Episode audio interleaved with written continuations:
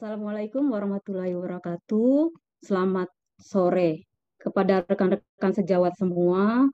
Semoga semakin sore masih apa bisa kita sharing terkait uh, kegiatan hari ini.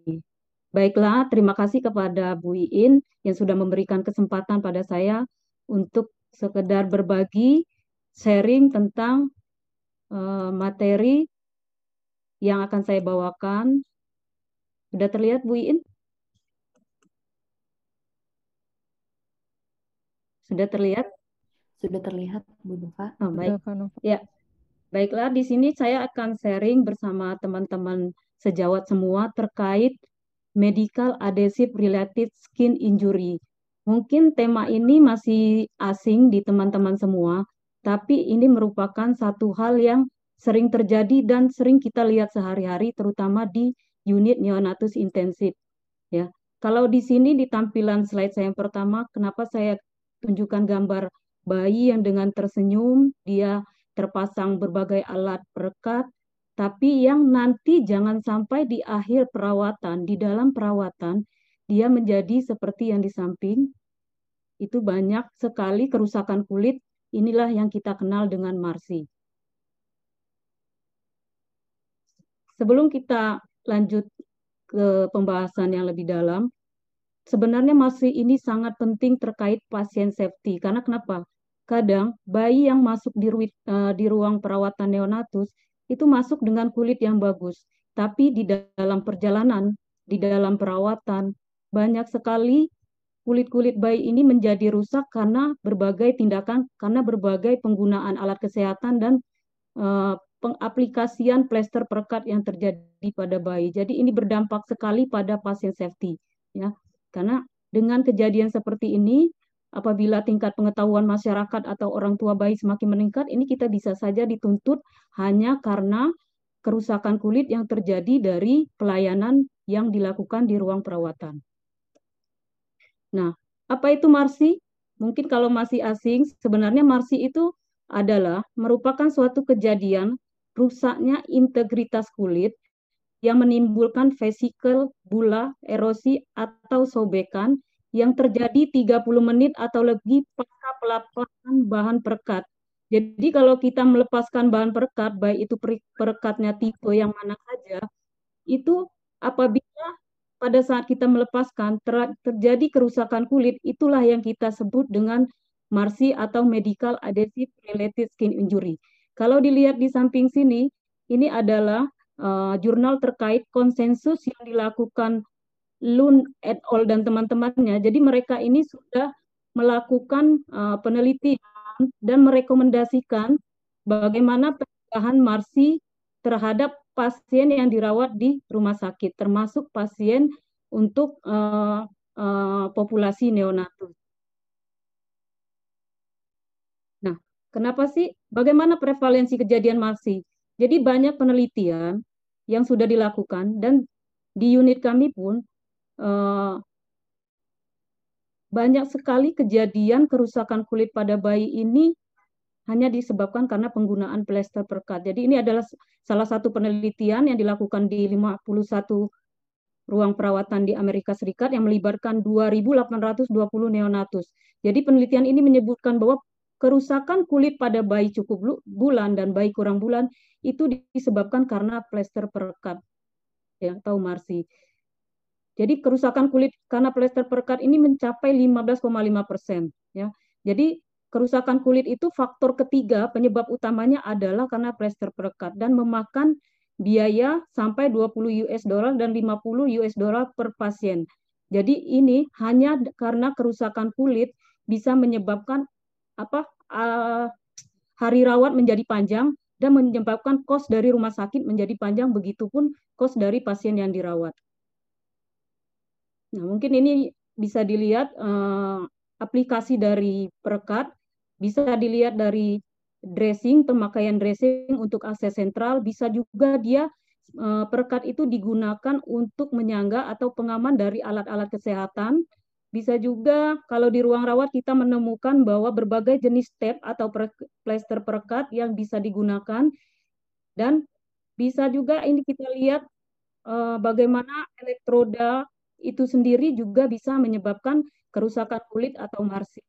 Jadi produk-produk kesehatan ini sendiri bukan hanya membantu kita, tapi kalau kita tidak benar menerapkannya, tidak benar mengaplikasikannya, tidak benar melepaskannya, ini malah menjadi masalah baru buat kita di dalam pelayanan keperawatan. Nah, mungkin bisa teman-teman lihat, sebenarnya isu terkait Marsi ini sudah banyak, sudah lama, mungkin di kita saja, mungkin uh, istilahnya saja yang baru kita kenal, tapi kita sering lihat di lapangan. Mungkin bisa dicari oleh teman-teman semua terkait jurnal kerusakan kulit atau Marsi ini. Banyak sekali kalau kita cari di internet, jurnal-jurnal pendukungnya. Nah, kalau mau mengenal Marsi, apa sih tipe-tipe dari Marsi itu sendiri? Yang pertama kita kenal dengan skin atau epidermal stripping. Nah, kejadian Marsi skin atau epidermal stripping ini adalah kejadian Marsi yang paling sering ditemukan di unit neonatus, yaitu terlepasnya lapisan stratum corneum saat melepaskan bahan perekat, plester atau dressing. Dan kulit pasi, uh, jadi kalau saat teman-teman melepaskan plester atau dressing, terus terjadi kerusakan kulit, yang terangkat adalah stratum corneumnya, ini kita kenal dengan skin atau epidermal stripping. Nah, eh, kejadian Marsi inilah saya sebutkan lagi hal yang paling sering terjadi di unit neonatus. Apalagi teman-teman pada saat di ruang perawatan sering memasang misalnya ETT, plester ETT, NGT, dan lain-lain. Nah, ini yang kita sering terjadi adalah epidermal stripping. Kalau skin tears ini adalah luka di kulit disebabkan oleh gaya geser dan friksi atau gesekan. Tapi ini agak jarang terjadi di neonatus, dia lebih banyak di unit pediatri. Nah, tension injury atau blister ini adalah cedera kulit yang disebabkan oleh gaya geser sebagai akibat dari distensi kulit di bawah plester atau dressing. Ini biasanya sih paling banyak terjadi pada pasien ortopedi dan dapat juga ditemukan pada bayi atau pada neonatus. Maserasi. Maserasi ini lebih sering kita kenal dengan terpaparnya kulit epidermis karena kelembapan yang berlebih. Ini juga bisa kita temukan di unit neonatus, terutama misalnya bayi-bayi kita yang terpasang hidrokoloid yang terlalu lama, kadang-kadang tidak diganti, atau bayi-bayi yang terpasang kolostomi bag yang lama dia terpapar terlalu lembab berkepanjangan sehingga menyebabkan maserasi. Nah, kalau folikulitis ini biasanya uh, apa jenis dari marsi yang disebabkan karena uh, traumatik removal uh, adesif. Jadi ada traumatik di pada saat dilakukan uh, pelepasan plester pelekat. Nah, yang sering juga kita temukan di unit neonatus, apabila bayi-bayi kita terpasang alat ECG, ini biasanya kita temukan adalah iritan kontak dermatitis, yaitu uh, non-alergi dermatitik kontak karena iritasi dari bahan perekat. Jadi bahan perekatnya yang menyebabkan kulit bayi itu alergi. Makanya kalau di sini pada teman-teman yang melepaskan uh, elektroda pada bayi, itu akan lebih baik elektroda tersebut setelah dilepaskan kulit bayi itu dibersihkan terdahulu dengan menggunakan uh, water steril agar tidak terjadi kontak dermatitis dan ini masih sering terjadi di unit neonatus. Selanjutnya tipe marsi yang berikutnya alergi kontak dermatitis yaitu ini biasanya adalah respon dari imunologi yang dimediasi oleh sel terhadap komponen plester. Jadi ada respon imunologi yang menyebabkan karena ketidakcocokan dari komponen plester itu sendiri. Jadi inilah jenis-jenis marsi. Saya tekankan lagi yang paling banyak di sini kita temukan di unit neonatus adalah kejadian marsi yang tipe epidermal stripping. Nah ini gambarnya kalau dilihat. Bayangkan wajah bayinya atau bayi kita pada saat dilakukan perawatan di ruang unit neonatus, dilakukan penempelan plester perekat, pas dilepaskan bisa terjadi seperti ini. Nah, ini adalah salah satu gambar kaki bayi yang saya ambil langsung. Ini adalah pasca pelepasan plester setelah dia diambil uh, darah di tumit, terus dipasang plester, dilepaskan, terjadilah epidermal stripping. Nah, ini mungkin gambar yang di selanjutnya tadi seperti yang saya jelaskan. Nah, ini yang tension injury atau blistering tadi saya sudah jelaskan. Nah, ini kejadian ini apa namanya uh, cedera yang disebabkan oleh gaya gesek akibat dari distensi kulit. Nah, ini bayangkan kalau bayi kita uh, yang kita rawat menjadi seperti ini, seperti yang Dokter Lili tadi sebutkan, tidak hanya infeksi itu disebabkan karena klapsi atau uh, karena infeksi karena pemasangan impus, bisa juga infeksi ini disebabkan karena kerusakan kulit yang kita buat secara tidak sengaja pada bayi yang kita rawat. Ini contoh dari iritan kontak dermatitis ya di dada bayinya uh, menjadi apa? terjadi alergi karena penggunaan dari prob dari apa? elektroda yang tidak sesuai sehingga menyebabkan iritan kontak dermatitis. Nah, ini skin tears juga.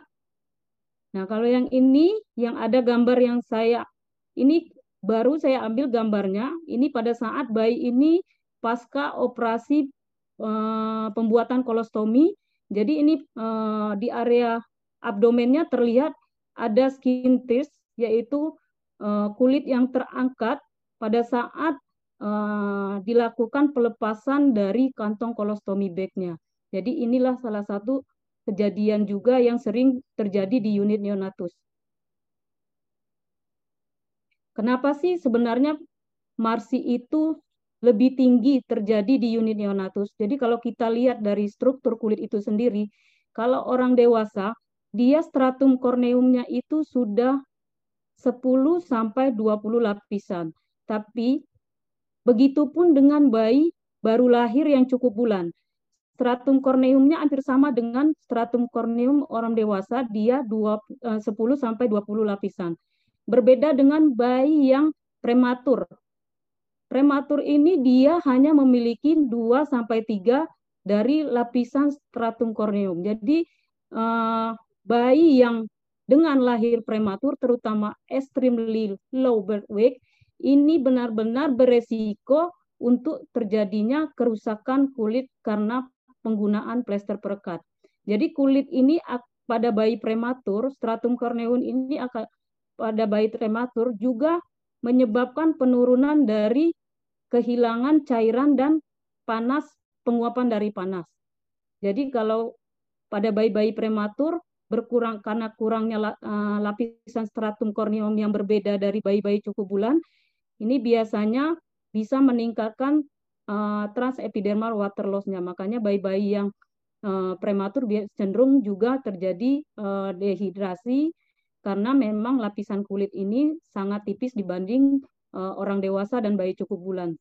Sehingga resiko kerusakan kulit paling besar terjadi pada bayi prematur atau bayi extremely low birth weight. Nah, sebenarnya penelitian tentang uh, kejadian penggunaan medical adhesive atau yang kita kenal dengan plester perekat itu sudah sering dilakukan. Jadi kalau kita baca di artikel ini yang dilakukan penelitian oleh Lund dan teman-temannya, itu dia menyebutkan uh, definisi Marsi itu sendiri dan merekomendasikan bagaimana pencegahan Marsi di.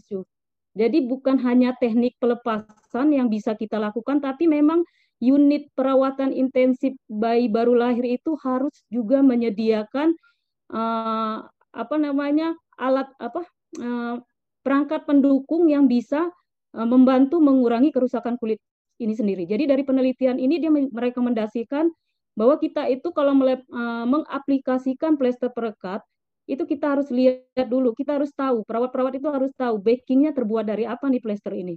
Sebenarnya perekat ini bisa digunakan nggak ke bayi kita. Cuma memang karena kita di Indonesia dengan apa namanya fasilitas yang memang masih terbatas, kadang-kadang kita menggunakan perekat itu satu untuk semua, ya.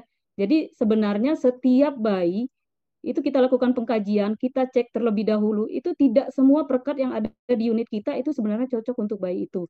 Jadi di dalam uh, artikel ini dia bilang bahwa pilihlah tipe dan bahan dari perkat yang sesuai dengan fungsinya. Jadi uh, kita harus lihat tipe bahannya seperti apa, apakah sesuai dengan fungsinya, apakah untuk mengamankan ataukah uh, dia hanya untuk apa namanya uh, pemakaian yang tidak terlalu lama, terus dilihat juga posisi mengaplikasikan plesternya ini di mana karena posisi uh, mengaplikasikan plester perekat ini juga mempengaruhi dari kerusakan kulit itu sendiri. Dan di artikel ini juga dia menganjurkan untuk menggunakan produk pelindung atau skin barrier untuk lapisan pelindung antara epidermis dan plester. Jadi sebenarnya uh, di penelitian ini juga menyebutkan bahwa sebenarnya kalau di neonatus, di NICU, itu sebenarnya kita harus memberikan lapisan pelindung antara lapisan epidermis dan plester itu sendiri untuk mencegah uh, kejadian tadi yang apa epidermal stripping. Jadi terangkat uh, epidermisnya karena penggunaan plester perekat. Produk pelindung kulit ini atau skin barrier ini juga bisa digunakan untuk melindungi kulit dari cairan tubuh ya pada pasien yang terpasang stoma, bisa juga melindungi pasien dari kelembapan berlebih karena urin atau kita kenal dengan inkontinen associated dermatitis atau dua juga ruang popok dan bisa juga karena eksudat. Selain itu, melalui artikel ini dia juga merekomendasikan bahwa di NICU itu harusnya apalagi di unit-unit kita yang menggunakan baking, perekat berba berbahan dasar akrilat itu disarankan agar kita menggunakan uh, adhesive remover remover yang berfungsi untuk melemahkan daya rekat. Apalagi kalau di unit-unit perawatan neonatus di Indonesia ini pasti saya yakin penggunaan plester itu pasti terbatas pada satu produk. Nah, kadang-kadang produk yang paling banyak di pasaran itu adalah produk yang bahan dasarnya akrilak. Akrilak ini adalah produk dari plester coklat yang dulu kita kenal yang daya rekatnya sangat kuat yang sebenarnya kalau aslinya tidak bisa kita aplikasikan untuk populasi neonatus. Cuma karena keterbatasan sumber daya kadang-kadang memang ini yang mau tidak mau kita pakai. Makanya kalau untuk unit unit neonatus itu sendiri mau tidak mau berdasarkan evidence base juga memang kita harus menyediakan beberapa perangkat sehingga kulit bayi itu tidak rusak karena hanya penggunaan dari plester perekat. Nah, ini mungkin uh, tipe plester perekat yang sering kita temukan di unit neolatus, tadi yang saya bilang ada tipe yang akrilat. Akrilat ini biasanya dia terbuat dari, jadi kita harus tahu plester ini terbuat dari apa dulu. Nah kalau yang saya kita sering gunakan adalah bukan menyebutkan merek, pik pik pik. Nah itu dia terbuat dari uh, cloth, uh, akrilat, uh, paper, plastik dan foam. Itu biasanya hanya digunakan untuk ETT, IV, uh, intravena atau kanula nasal oksigen. Jadi akrilak ini backingnya sebenarnya penggunaannya untuk securement ya untuk keamanan pada alat-alat medis yang terpasang. Satu lagi yang kita kenal juga adalah hidrokoloid. Hidrokoloid ini sendiri uh, biasanya kita pakai adalah untuk perawatan kolostomi. Tadi seperti yang saya uh, tekankan, ini backingnya dari film tapi dia di bawahnya tetap ada perekatnya. Jadi uh, walaupun kita memasang hidrokoloid di kolostomi bag atau untuk uh, pencegahan cedera tekan pada bayi yang terpasang misalnya nasal kanula CPAP atau terpasang uh, eh, ETT itu tetap kita dibawa dari baking hidrokoloid itu di bakingnya hidrokoloid itu atau kita sebutkan adalah uh, duoderm salah satu yang sering kita pakai itu tetap dia ada perekatnya. Jadi makanya jangan heran pada saat teman-teman melepaskan uh, fiksasi ETT pada saat sudah diberikan hidrokoloid tetap terjadi marsi di bawah dari hidrokoloidnya dan juga bisa terjadi apa namanya maserasi karena apa hidrokoloid kalau terlalu lama dia menjadi lembab sehingga menyebabkan maserasi atau pada saat pelepasannya yang tidak benar tekniknya tidak benar tidak menggunakan adhesive remover maka dia juga menyebabkan kejadian mati. Nah, atau contoh lain tipe yang lain adalah hidrogel. Nah, yang paling direkomendasikan sebenarnya adalah plester perekat yang berbahan silikon untuk populasi neonatus. Tapi kan setahu saya eh, plester yang berbahan silikon ini belum masuk ke Indonesia karena harganya yang lumayan mahal.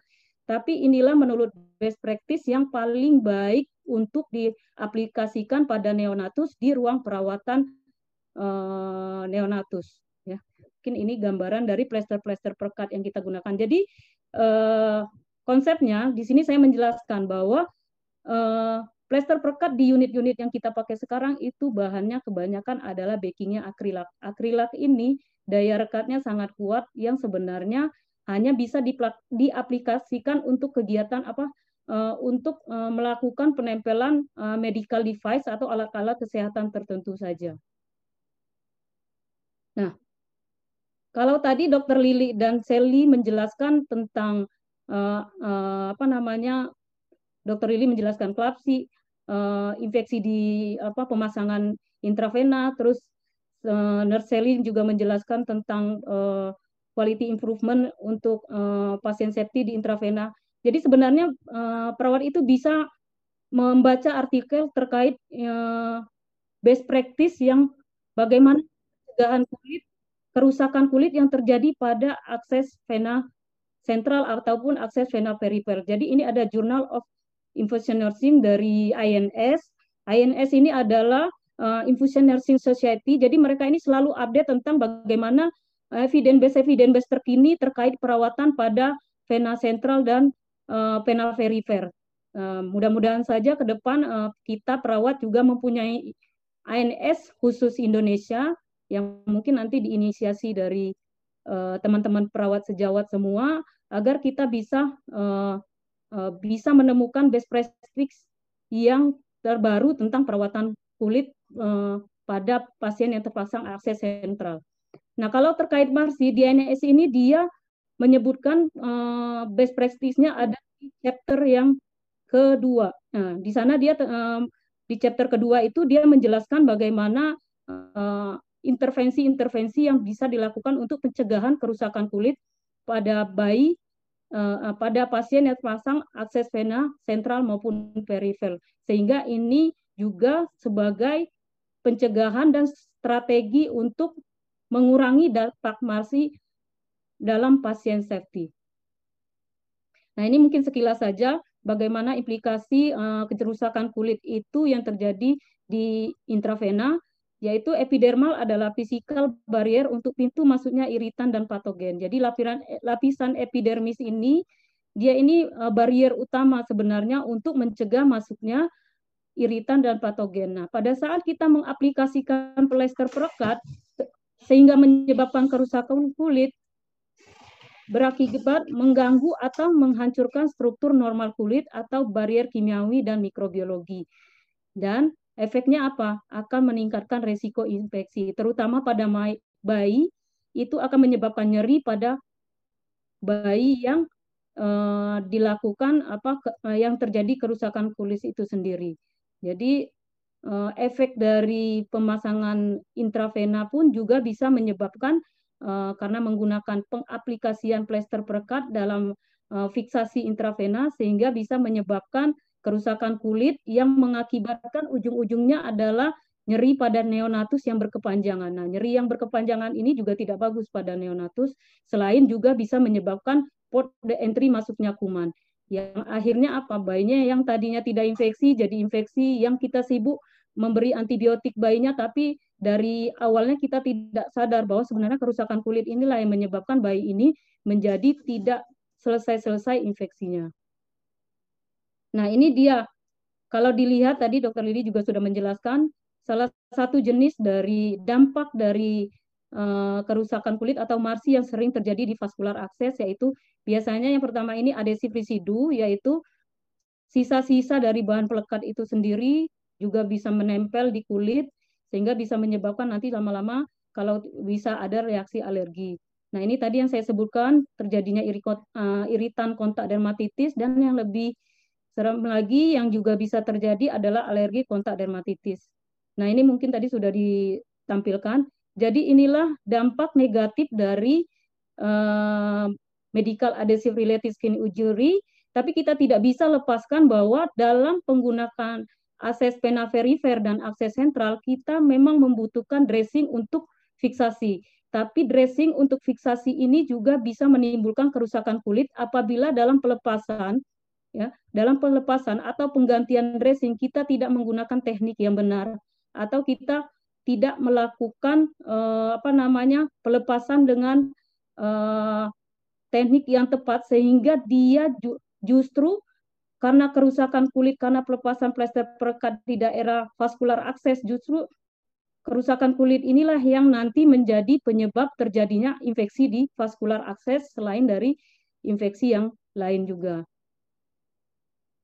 Nah, ini mungkin bagaimana masih terjadi bisa dilihat bagaimana teman-teman kalau aplikasikan atau melepaskan perekatnya itu bisa meninggalkan bahan perekat terus teknik pelepasannya juga yang terlalu apa namanya uh, kurang dari 120 derajat sehingga menyebabkan terjadinya skin stripping yang terjadi pada kulit terutama pada kulit bayi neonatus. Jenis Nova waktunya ya. mengingatkan untuk waktunya ya.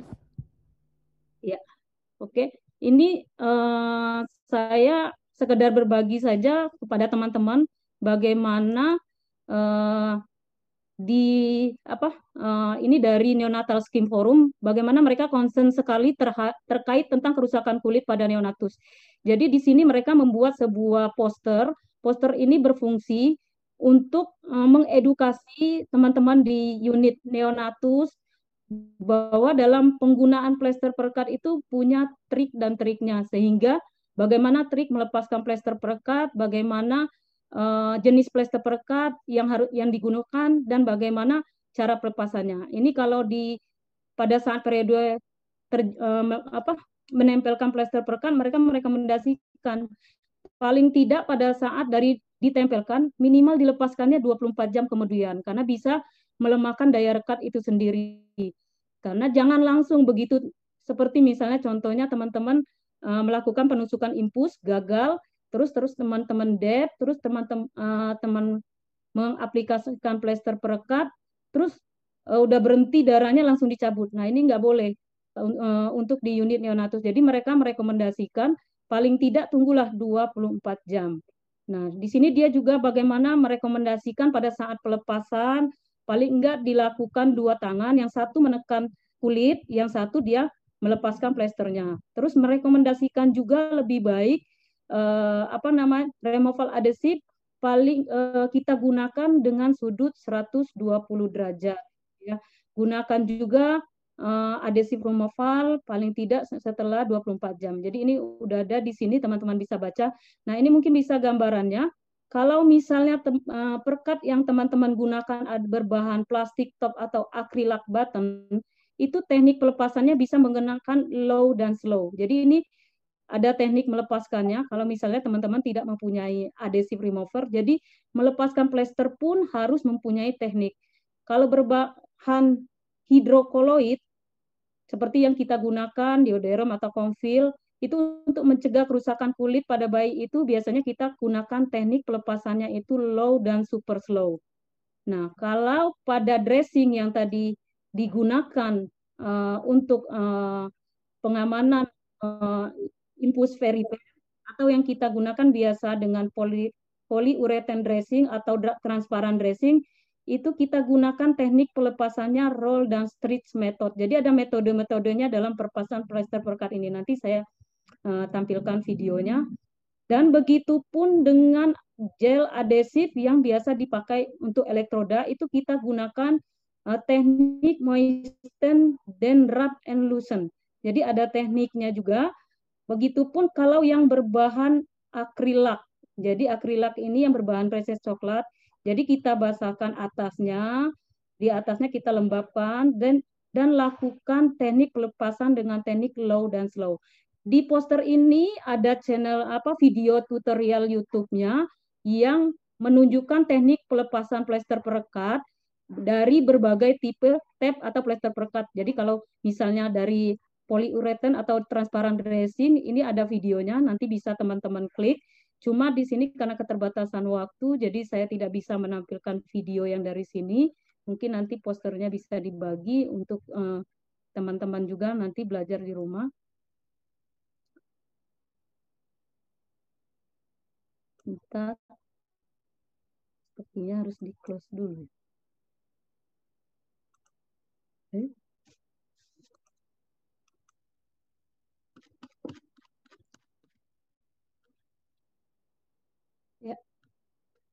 Nah, mungkin ini saya tampilkan video bagaimana pelepasan plester perekat dengan menggunakan yang menggunakan perekat transparan dressing.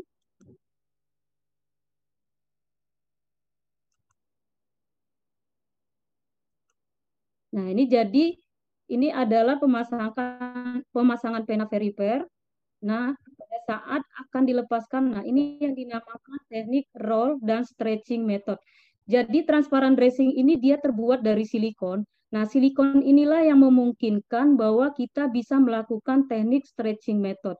Jadi kalau kepada teman-teman yang merawat bayi di unit neonatus memang harus sabar dalam melepaskan plester perekat ini sendiri. Jadi tidak langsung dilepaskan atau ditarik. Coba perhatikan, pada saat teman-teman melepaskan tidak dengan metode yang benar, maka medi, apa kejadian marsi langsung terjadi pada bayi yang dilepaskan plester ini.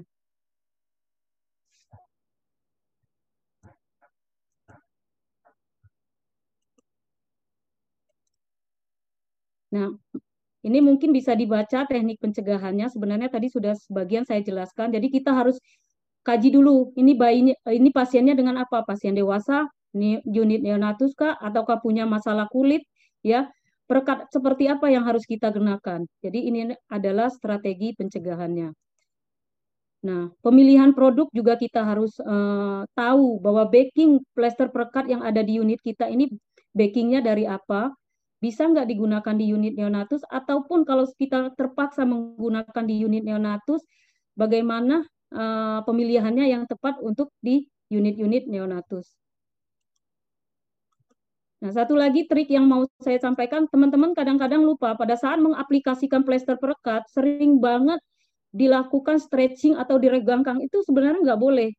Karena itu sendiri bisa menyebabkan uh, kejadian marsi. Jadi pada saat mengaplikasikan plester perekatnya langsung ditempelkan saja. Jadi dressingnya tidak usah diregangkan ya meminimalkan menyentuh area yang ada perekatnya karena akan merubah me, apa, me, melemahkan uh, perekatan dari plester itu sendiri ya.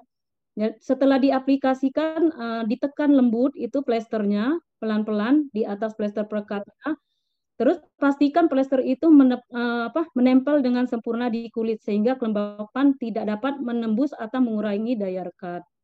Nah ini dia nih teknik slow dan slow. Ini kadang-kadang kita karena butuh cepat, alasannya karena sibuk, kita kadang-kadang lupa, jadi kita langsung tarik aja dengan uh, sudut eh, uh, 90 derajat. Nah ini yang berisiko menjadikan kulit itu terjadi kerusakan kulit atau yang kita kenal dengan medical adhesive related skin injury. Kalau bisa di tepi plester atau transparan dressing itu kita kasih eh, apa namanya gunakan plester kecil yang dari kertas. Biasanya kalau di transparan dressing itu dia ada kayak um, kertas itu kita taruh di sudut. Nanti pada saat kita mengangkatnya itu lebih gampang dibanding kita mengorek-korek dengan tangan sehingga bisa merusak, eh, menyebabkan kerusakan kulit itu sendiri. Ingat nih seperti yang digambar yang di bawah Gunakan satu tangan untuk memegang kulitnya, satu tangan menarik dengan sudut 120 derajat. Ini bisa mengurangi resiko kejadian kerusakan kulit. Nah, ini juga yang disarankan dari CDC sebenarnya yang memang terjadi di ruangan perawatan kita bahwa tidak direkomendasikan penggunaan plester medis itu satu uh, satu role untuk semua bayi atau semua pasien yang dirawat dalam satu ruangan karena ternyata dari plester ini bisa menyebabkan kontaminasi silang juga. Ya, jadi seharusnya yang ideal memang satu satu apa ada uh, perekat satu bayi. Makanya yang lebih direkomendasikan itu adalah yang uh, perekat kalau untuk uh, apa namanya uh, dressing buat uh, vena sentral itu biasanya kita gunakan dressing yang satu kali buka sudah selesai dipakai. Jadi tidak yang digunting-gunting dibagikan bersama dipakai bersama. Nah, ini mungkin saya hanya mengimplikasikan uh, penelitian. Saya sempat melakukan penelitian tentang uh, tadinya kami uh, juga mengalami banyak kerusakan kulit karena plester perekat. Jadi saya tertarik melakukan penelitian, mencari coba uh, intervensi yang bisa dilakukan untuk mengulangi kejadian medical adhesive related skin injury di unit kami, sehingga uh, saya mencoba intervensi yang ada di jurnal tadi disebutkan menggunakan adesif uh, menggunakan skin barrier. Jadi dalam penelitian ini saya mencoba mengaplikasikan transparan dressing pada akses vena perifer, tapi sebelumnya saya lakukan pemberian skin barrier. Jadi dalam penelitian ini saya menggunakan uh, empat kelompok. Jadi kelompok usia gestasi kurang dari 34 minggu dan kelompok usia gestasi lebih dari 34 minggu. Nah, per kelompok ini saya bagi lagi. Yang usia gestasi kurang dari 34 minggu ini saya beri uh, kelompok, uh, satu kelompok diberikan aplikasi transparan dressing tanpa skin barrier, satu kelompok diberi, uh, tanpa diberikan skin barrier. Begitupun kelompok usia gestasi lebih dari 34 minggu, saya beri uh, satu kelompok tidak diberikan aplika uh, uh, skin barrier tapi hanya menggunakan jadi menggunakan transparan bracing tanpa skin barrier dan satu kelompok uh, menggunakan uh, skin barrier dengan transparan dressing. Jadi nanti dilihat bagaimana kejadian angka kejadian marsinya. Observasi dilakukan dengan menggunakan lembar observasi yang dikeluarkan yang digunakan adalah lembar observasi neonatal skin condition scale NNCS. Jadi kerusakan kulit diobservasi. Jadi sebelum uh, sampelnya saya ambil, kita kaji dulu kerusakan kulitnya, kita nilai skornya berapa. Nanti setelah diaplikasikan apa skin barrier pada saat pelepasan uh, dressingnya kita lihat apakah skor kerusakan kulitnya menjadi lebih tinggi atau lebih rendah. Jadi di sini kita melihat scoringnya sebelum dan sesudah intervensi. Jadi dari NSCS tadi saya aplikasikan seperti ini. Pada saat pemasangan impuls saya e, diberikan yang untuk kelompok yang diberikan skin barrier itu diaplikasikan dulu skin barrier. Nanti selanjutnya setelah pelepasan dilihat lagi skor yang terjadi. Nah dari hasil penelitian ini pada uh, Penggunaan transparan desin dengan skin barrier terjadi terhadap kejadian marsi pada bayi yang terpasang impuls pada usia gestasi 34 dan usia gestasi lebih dari 34. Jadi terdapat perbedaan rata-rata skor marsi pada kelompok usia kurang dari 34 dan uh, sesudah diberikan transparan dressing terjadi penurunan nilai skor Marsi sebesar minus 0,25 dengan p-value-nya 0,025. Jadi dapat disimpulkan pada kelompok usia gestasi kurang dari 34 minggu dan lebih dari 34 minggu, skin barrier ini efektif untuk mencegah kerusakan kulit akibat penggunaan plester perekat. Begitupun dengan kelompok kurang dari 34 dan lebih dari 34 ini yang tidak di, diberikan uh, apa skin barrier, jadi terdapat peningkatan skor Marsi pada bayi yang tidak diaplikasikan plester perekat. Jadi berdasarkan evidence base ini ya kita gunakan produk skin barrier untuk sebelum mengaplikasikan plester perekat. Nah, kalau dilihat foto yang ada di tampilan layar saya ini, ini adalah bayi extremely low birth weight yang dirawat di unit kami. Dia masuk dengan berbagai macam kerusakan kulit, bisa karena skin proof dari inkubator, bisa kerusakan kulit karena disebabkan dressing akses vena sentral. Mohon izin, waktunya sudah habis, Nurse. Ya, oke. Okay. Nah, ini mungkin uh, jurnal yang sudah uh, publish di Sky Press, terus dari jurnal ini makanya kami membuat uh, standar operas, uh, operasional prosedur di unit kami sehingga kami bisa uh, memberi apa uh, bisa melakukan penggunaan aplikasi skin barrier karena sudah kita lakukan penelitian. Nah, mungkin ini Bu Iin uh, sebentar saja ini Bu. Nah, ini adalah penggunaan aplikasi skin barrier. Tadi pada saat pemasangan infus yang Narseli juga uh, kerjakan tadi tekniknya mungkin bisa dilihat dari teknik pemasangan yang ditampilkan oleh Narseli ini adalah teknik mengaplikasikan skin barriernya pada saat setelah pemasangan impuls diaplikasikan skin barrier Ingat ditunggu paling tidak 30 detik sehingga skin barriernya ini membentuk barrier pelindung kulit. Sehingga pada saat nanti dilepaskan ini tidak terjadi medical adhesive related skin injury atau tidak terangkatnya kulit karena pelepasan dari dressing yang ada di pemasangan infus. Mungkin saya cepat saja. Nah, ini juga yang bi bisa kita gunakan uh, skin barrier ini untuk uh, ini tidak kegiatan rutin ya pemberiannya. Jadi kalau memang bayi itu sudah teridentifikasi dia mau kejadian ruang popo atau inten, apa inkontinen associated dermatitis ini bisa kerjakan. Tapi kalau misalnya kulit bayinya bagus, bokongnya bagus, ini tidak harus kita lakukan. Biasanya kita aplikasikan pada bayi yang memang sudah uh, terjadi ruam popok atau IAD. Nah, ini juga kita aplikasikan sebelum menempelkan hidrokoloid atau plester perekat pada pemasangan NGT. Karena kalau NGT ini kan memang harus pisasinya atau securementnya harus harus aman karena kadang-kadang kalau terlepas ini berbahaya sehingga bisa menyebabkan aspirasi pada bayinya. Jadi memang untuk NGT ini kita butuhkan perekat yang agak kuat, tapi sebelumnya kita aplikasikan dulu skin barrier. Nah, ini untuk penggunaan pada nasal prong sipep yang juga berguna untuk selain mencegah terjadinya marsi bisa juga mencegah terjadinya skin injury atau cedera tekan. Jadi sebelum diaplikasikan hidrokoloidnya, ini kita aplikan dulu skin barrier. Kembali saya ingatkan lagi bahwa hidrokoloid ini bawahnya itu backingnya perekat. Jadi jangan heran kalau pada saat tujuannya adalah mencegah skin injury, tapi akhirnya terjadi marsi pada saat pelepasan hidrokoloid. Nah, ini untuk yang pemasangan pada stoma, karena kita tahu sendiri bahwa stoma ini dia kulitnya terpapar cairan berlebih. Kadang-kadang cairan yang keluar itu adalah cairan yang sangat merusak kulit, sehingga sebelum mengaplikasikan stoma bag, kita berikan dulu skin barrier, berharap epidermis bayi ini terlindungi dari cairan-cairan yang keluar dan melindungi dari uh, plester perekat yang tadi uh, yang ada pada uh, kolostomi bag. Jadi ini kita tunggu kering dulu 30 detik karena kalau tidak kering sampai 30 detik itu uh, skin barriernya atau barrier pelindungnya tidak tidak terbentuk.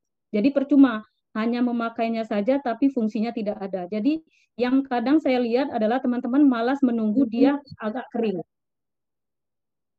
Nah, setelah kita aplikasikan kering banget, baru kita tempelkan polos Tommy bag-nya. Ya, mungkin itu saja. Terima kasih. Nah, kita berharapnya bayi-bayi kita tersenyum seperti ini walaupun dia ter, uh, terpasang berbagai uh, plester perekat. Nah, mungkin itu saja materi dari saya. Ini dari gambar ini saya hanya menyampaikan makna bahwa Mbak ini mengatakan stop marsi pada kami. Jadi dia bilang jangan sampai terjadi marsi pada kami yang dirawat di unit neonatus intensif. Mungkin itu saja pemaparan materi dari saya, Bu Iin. Mohon maaf kalau waktunya berlebih. Nah, terima kasih. Assalamualaikum warahmatullahi wabarakatuh.